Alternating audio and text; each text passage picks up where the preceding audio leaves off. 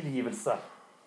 Det å kunne tilgi, det er en viktig egenskap.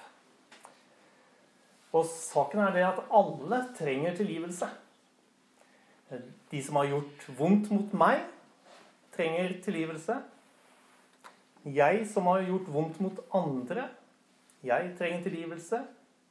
Og jeg som har gjort vondt mot meg, jeg trenger tilgivelse.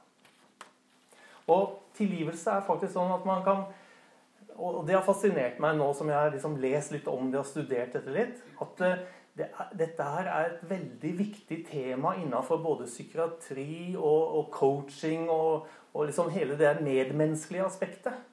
For det de sier, er at eh, tilgivelse det kan man se på som noe terapeutisk. Eh, jeg vil tilgi fordi det er bra for meg. Og god livskvalitet, det innebærer evnen til å tilgi andre, men også seg selv. Så vi hører første historie.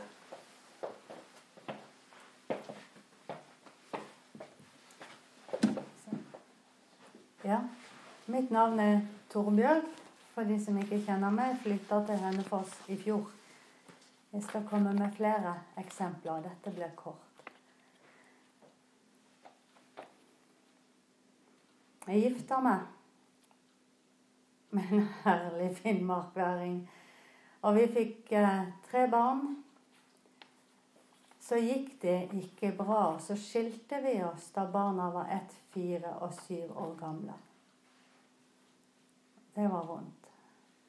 Og det, noe av det verste for meg da, det var det at jeg hadde lovt det framfor mennesker. Jeg hadde lovt det til Gud. Og jeg tenkte det at du skal holde ditt ord. Og så er jeg vant til å vokse opp i en prestasjonskultur der du klarer ting, og du er kjempeflink og flink jente.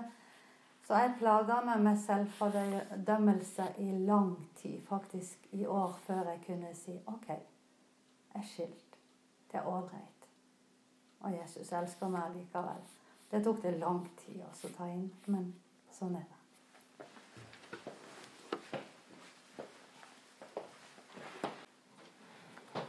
Selve ordet tilgivelse eh, fra hebraisk og gresk For det, selvfølgelig, alt kommer jo fra altså, til slutt tilbake til Bibelen. Det er der vi som har funnet eh, byggeklossene til vårt samfunn, og hvordan vi er oss imellom. Og tilgivelse betyr rett og slett å utslette gjeld. Utslette gjeld. Et eksempel. Jeg har prøvd å tenke på et eksempel på hvordan kan man utslette gjeld. Ehm, jeg driver jo og kjører taxi da, så, eh, for tiden, og det er veldig moro. Men jeg må jo følge veldig godt med, så ikke jeg kjører på han foran meg. La oss si jeg gjorde det. Jeg kjørte på han som var foran meg, og det var min feil. Og sjefen har sagt at eh, når, når du gjør noe som er din feil, så må du betale sjøl. ok, jeg Dulter borti bilen foran, lager bulk eller skrapemerker. Det blir um, Jeg får en regning på det. 33 000 f.eks. Ok, det er min feil, så jeg må gjøre opp for meg.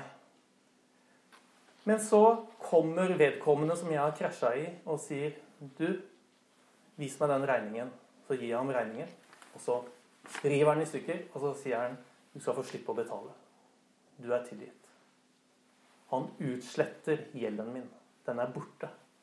Eller som jeg pleier å si til ungene, da, for de er jo så veldig på data. Når man har skrevet et dokument eller lagd et eller annet der, og så ved en feiltagelse har trykka på 'delete', hvor er dokumentet? Det er utslettet. Og det er det som er tilgivelse. Det utsletter gjeld. Om man ikke utsletter gjeld, altså hvis man ikke tilgir, hva da? Jo, da vil man kreve rettferdighet. Altså gjengjeld. Eh, I Gamle testament, nei, Dere har sett det. Når politikere gjør noe feil, eller noe skjer i en eller annen bedrift, eh, og så kommer det opp på VG og NRK, hva er det de er ute etter? Det er ikke alltid så veldig mye hva, hva som gikk feil og sånn. Nei, hvem er syndebukken? Hvilket hode skal rulle? Ja? Vi er ute etter en syndebukk. Gamle testamentet, der har vi opprinnelsen til ordet syndebukk. Og det var helt konkret en bukk som de satte jevnlig midt i samfunnet. Så kom folk og la, i overført betydning, la sine feil eller sine synder opp på bukken. Sa dem ut, la dem på bukken, og så sendte de bukken ut i ørkenen for å dø. Syndebukken gikk ut med alle syndene, og der forsvant de.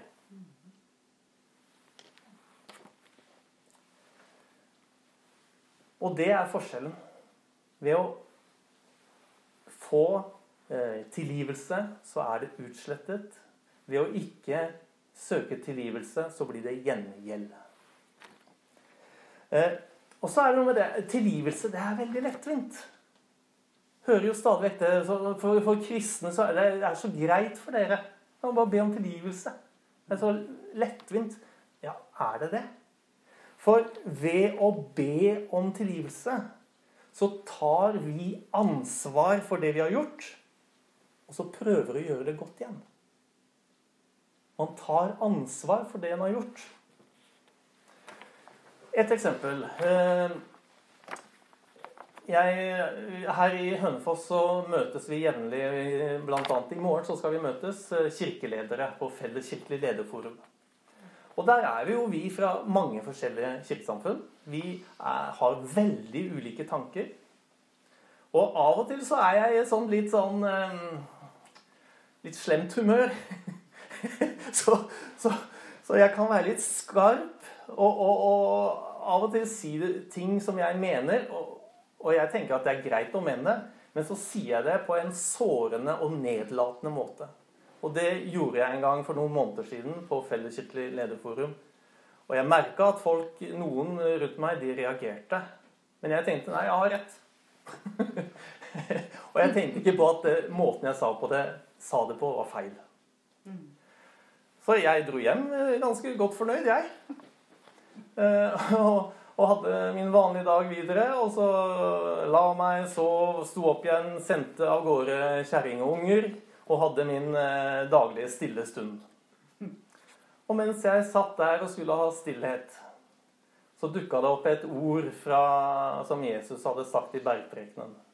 Hvor han sier 'dersom noen har noe imot deg' Han sier ikke 'dersom du har gjort noe feil', eller et eller annet, men dersom noen andre har noe imot deg, så skynd deg bort og, og, og, og um, søk forsoning, eller uh, kom overens med vedkommende. Og da dukka den der gårsdagens hendelse opp i hodet mitt. Og jeg tenkte hva gjør jeg nå? Nei, da var det egentlig ganske greit. De jeg hadde registrert, hadde reagert, tenkte jeg de har nok noe imot meg nå. Det spiller ingen rolle hvor rett jeg tror jeg har. For det måten jeg sa det på, var feil. Så jeg tok en ringerunde, og så sa jeg Du, beklager måten jeg sa det på. Altså å be om tilgivelse det er ikke å feie under teppet, det er å ta det på alvor og prøve å gjøre det godt igjen. Og på den måten så gjør vi oss sårbare. Vi gjør oss eh, på en måte transparente, gjennomsiktige. Og så overlater vi oss til den andres dom. For når jeg ber den andre om tilgivelse, så er det på en måte opp til vedkommende hvordan dette skal gå videre. Nå er det ikke lenger opp til meg. Et kinesisk ordtak sier når du bøyer deg for noen, så bøy deg dypt.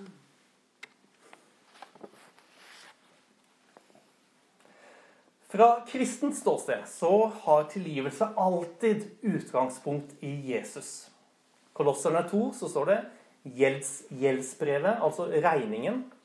Gjeldsbrevet mot oss slettet han det som var skrevet med lovbud.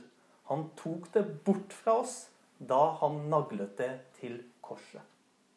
Og Derfor så er korset alltid et sentralt symbol i alle kristne sammenhenger. Og hvis dere er oppe i kirkerommet, så ser dere korset veldig tydelig. Gjeldsbrevet mot oss slettet han. Han tok det bort fra oss da han naglet det til korset. Så hva er å tilgi? Da har jeg noen Tilgi er ikke. Jeg har to sånne. Tilgi er ikke tillit. F.eks. anonyme alkoholikere, som sikkert kjenner til. De har en sånn tolvstegsgreie som de skal gjøre for å bli fri fra alkoholavhengigheten. Og et av de tolv skrittene er å innrømme det gale og i detalj bekjenne for seg selv og menneskene de har tillit til, hva de har gjort galt. Det er ikke lettvint. Men når denne anonyme alkoholikeren da, har gjort dette, har vi da tillit til at vedkommende ikke skal drikke mer? Ja, men jeg hadde ikke satt alkohol i skapet hjemme hos han, det, eller henne hvis hun hadde vært gift med meg.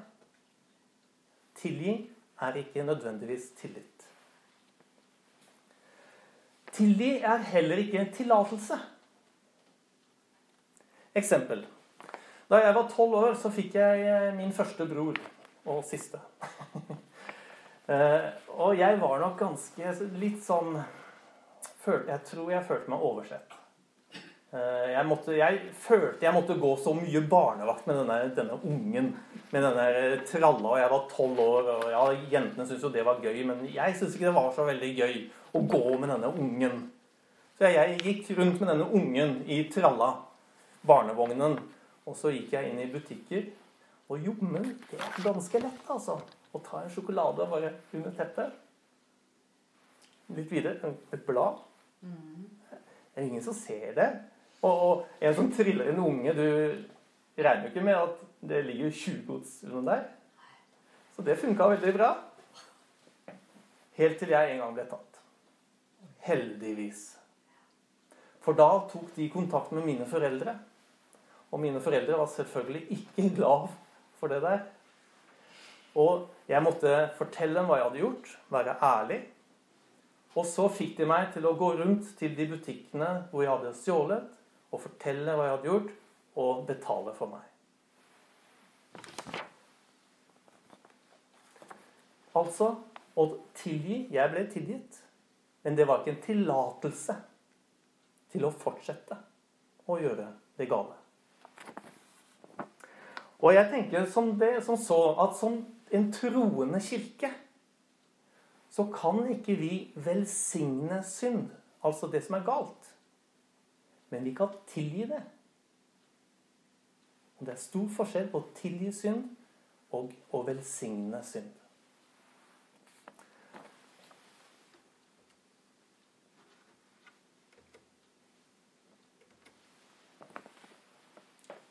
Mahatma Gandhi, en av mine helter, han sa 'Den svake kan aldri tilgi'. Tilgivelse er den sterkes egenskap. For tilgivelse, det er en viljeshandling til å gå videre. Ja, akseptere at det som skjedde, faktisk skjedde. Og at det som skjedde, det kan ikke endres eller bli ugjort.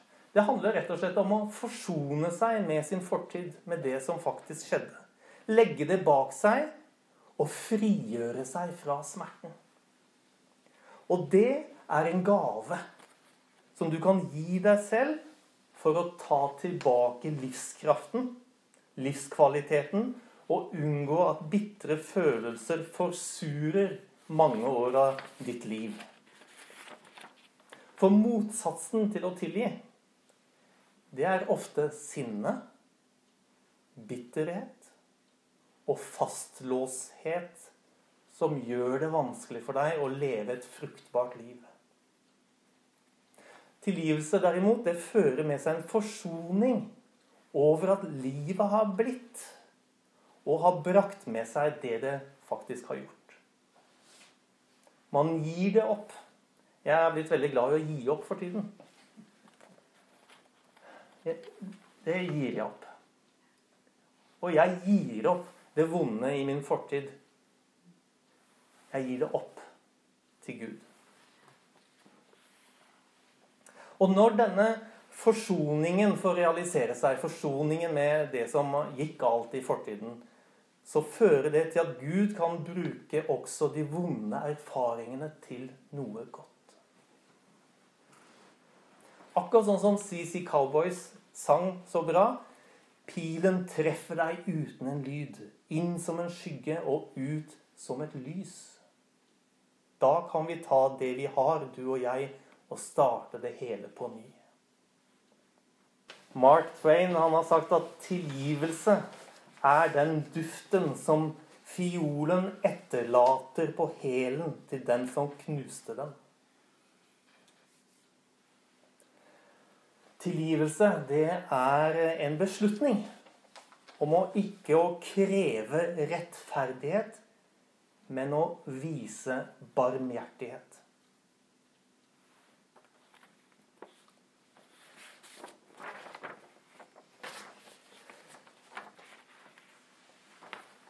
skal vi se litt på tilgivelsens eh, eh, frigjørende potensial.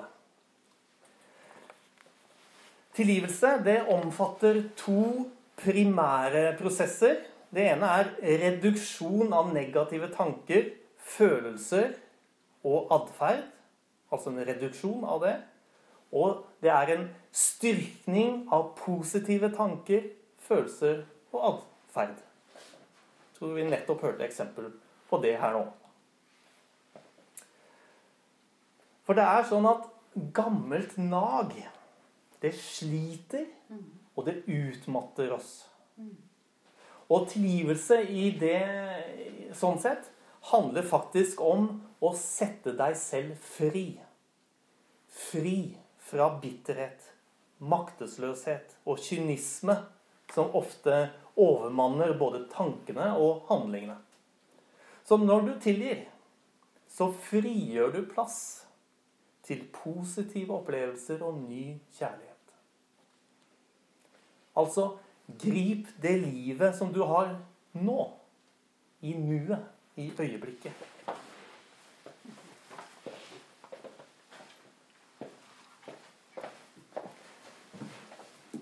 Nå skal vi langt tilbake igjen. Jeg sa i stad at jeg skilte meg da mine barn var ett, fire og syv år.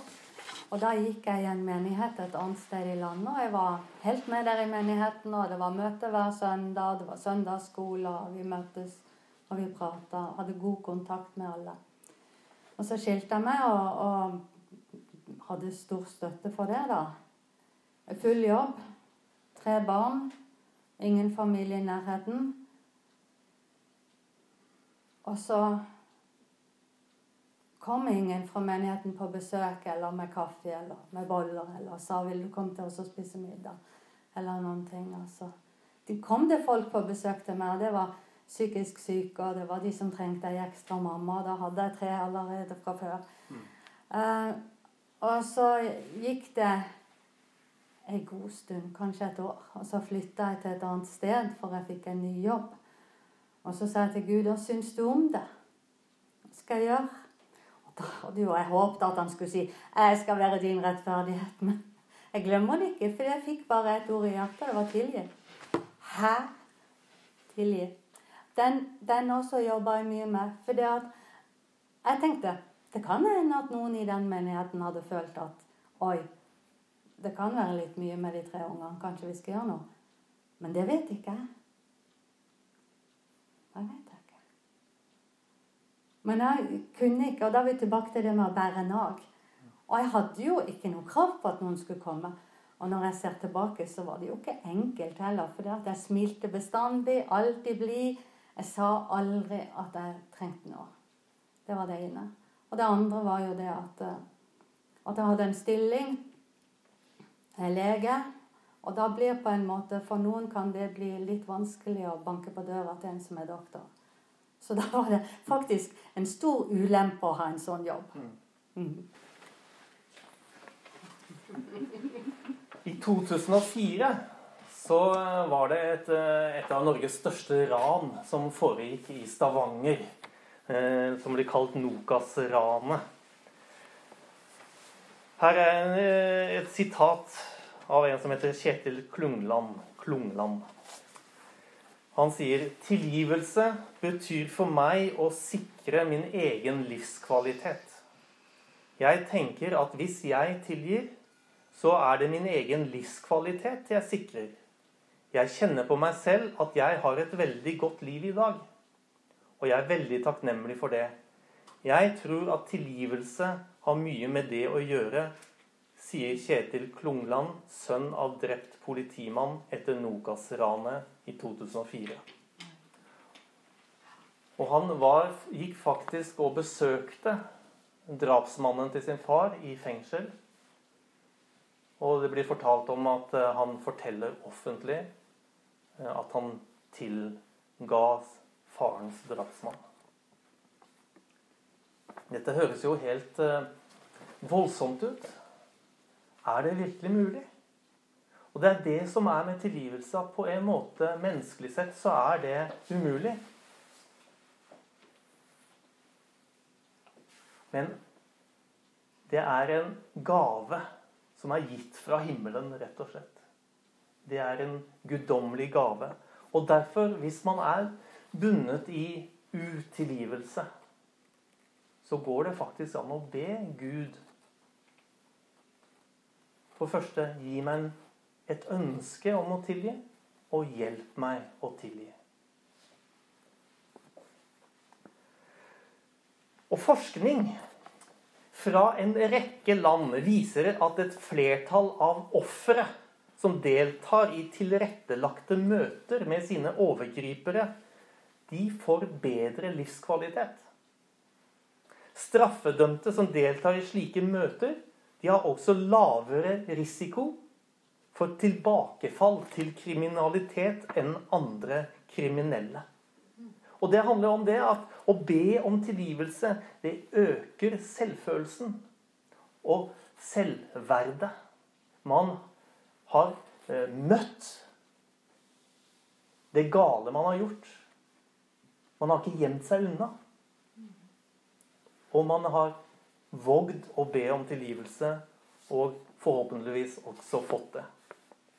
Og tilgivelse, det skaper frigjøring fra smerten, bindingen og skuffelsen. Er det noen som virkelig har hatt erfaring med smerte, binding og skuffelse, så er det Nelson Mandela som satt mange år i fengsel fordi han kjempa for en sak som han trodde på. Og Mandela han kom ut av fengselet med et fredsbudskap. Og han skal ha sagt da jeg gikk ut døren mot porten som ville føre til min frihet, visste jeg at hvis jeg ikke la min bitterhet og mitt hat bak meg, ville jeg fortsatt være i fengsel.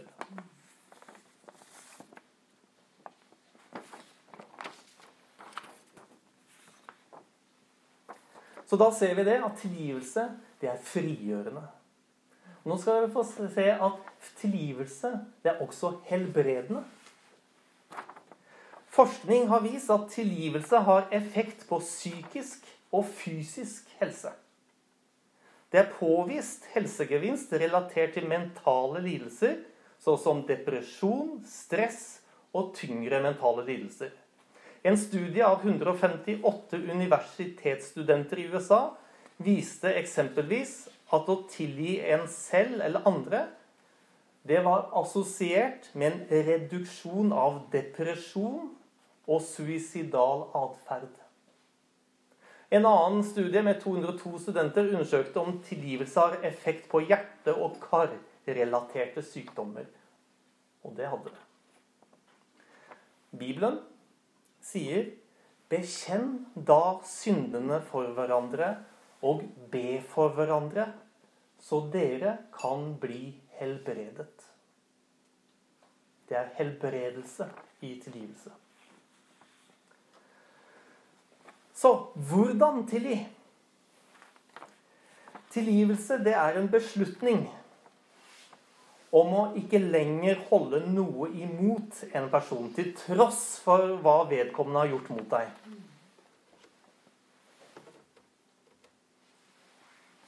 Desmond Tutu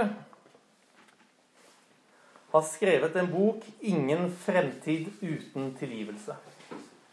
Og han nevner fire steg.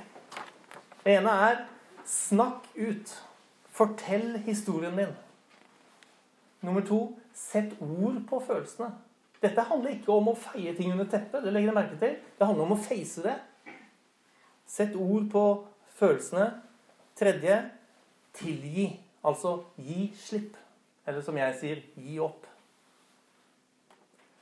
Til slutt avslutte eller fornye forholdet. For det er litt interessant. For det er ikke alltid fruktbart å fornye forholdet. Men man kan tilgi, og man kan avslutte det som har vært. Å tilgi, det innebærer at jeg slutter å hate. Og i stedet elsker den som har gjort noe galt mot meg. For det er umulig å hate og velsigne på samme tid.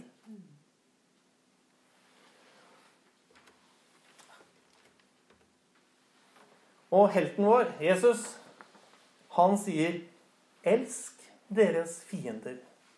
Velsign dem som forbanner dere.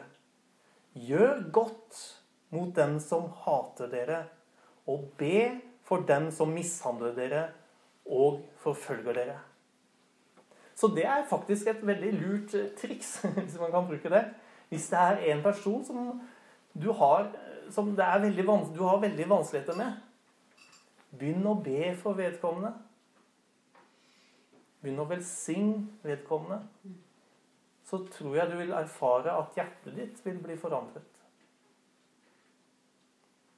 For det er i lengden umulig å hate en person som du velsigner. Å tilgi, det er å la være å behandle folk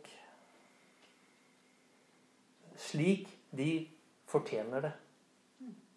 Men i stedet vise barmhjertighet og nåde. Akkurat som Jesus. Men dersom vi bekjenner våre synder, er Han trofast og rettferdig, så Han tilgir oss syndene og renser oss for all urett. Men så kommer spørsmålet hva om den andre ikke vil be om tilgivelse?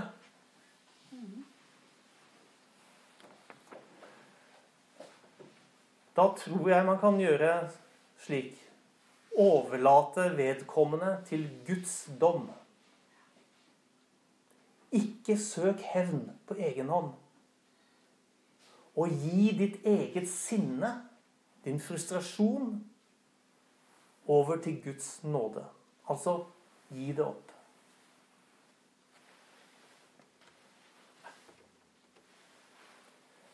Gjengjeld ikke ondt med ondt. Ha tanke for det som er godt for alle mennesker. Hold fred med alle, om det er mulig, så langt det står til dere. Ta ikke hevn, mine kjære, men overlat vreden til Gud. For det står skrevet:" Hevnen hører meg til, jeg skal gjengjelde, sier Herren. Men elsk er din fiende sulten så gi ham mat. Er han tørst, så gi ham drikke. Gjør du det, samler du glødende kull på hans hode. La ikke det onde overvinne deg, men overvinn det onde med det gode. Og husk på det, folkens, at et godt liv, det er din beste hevn.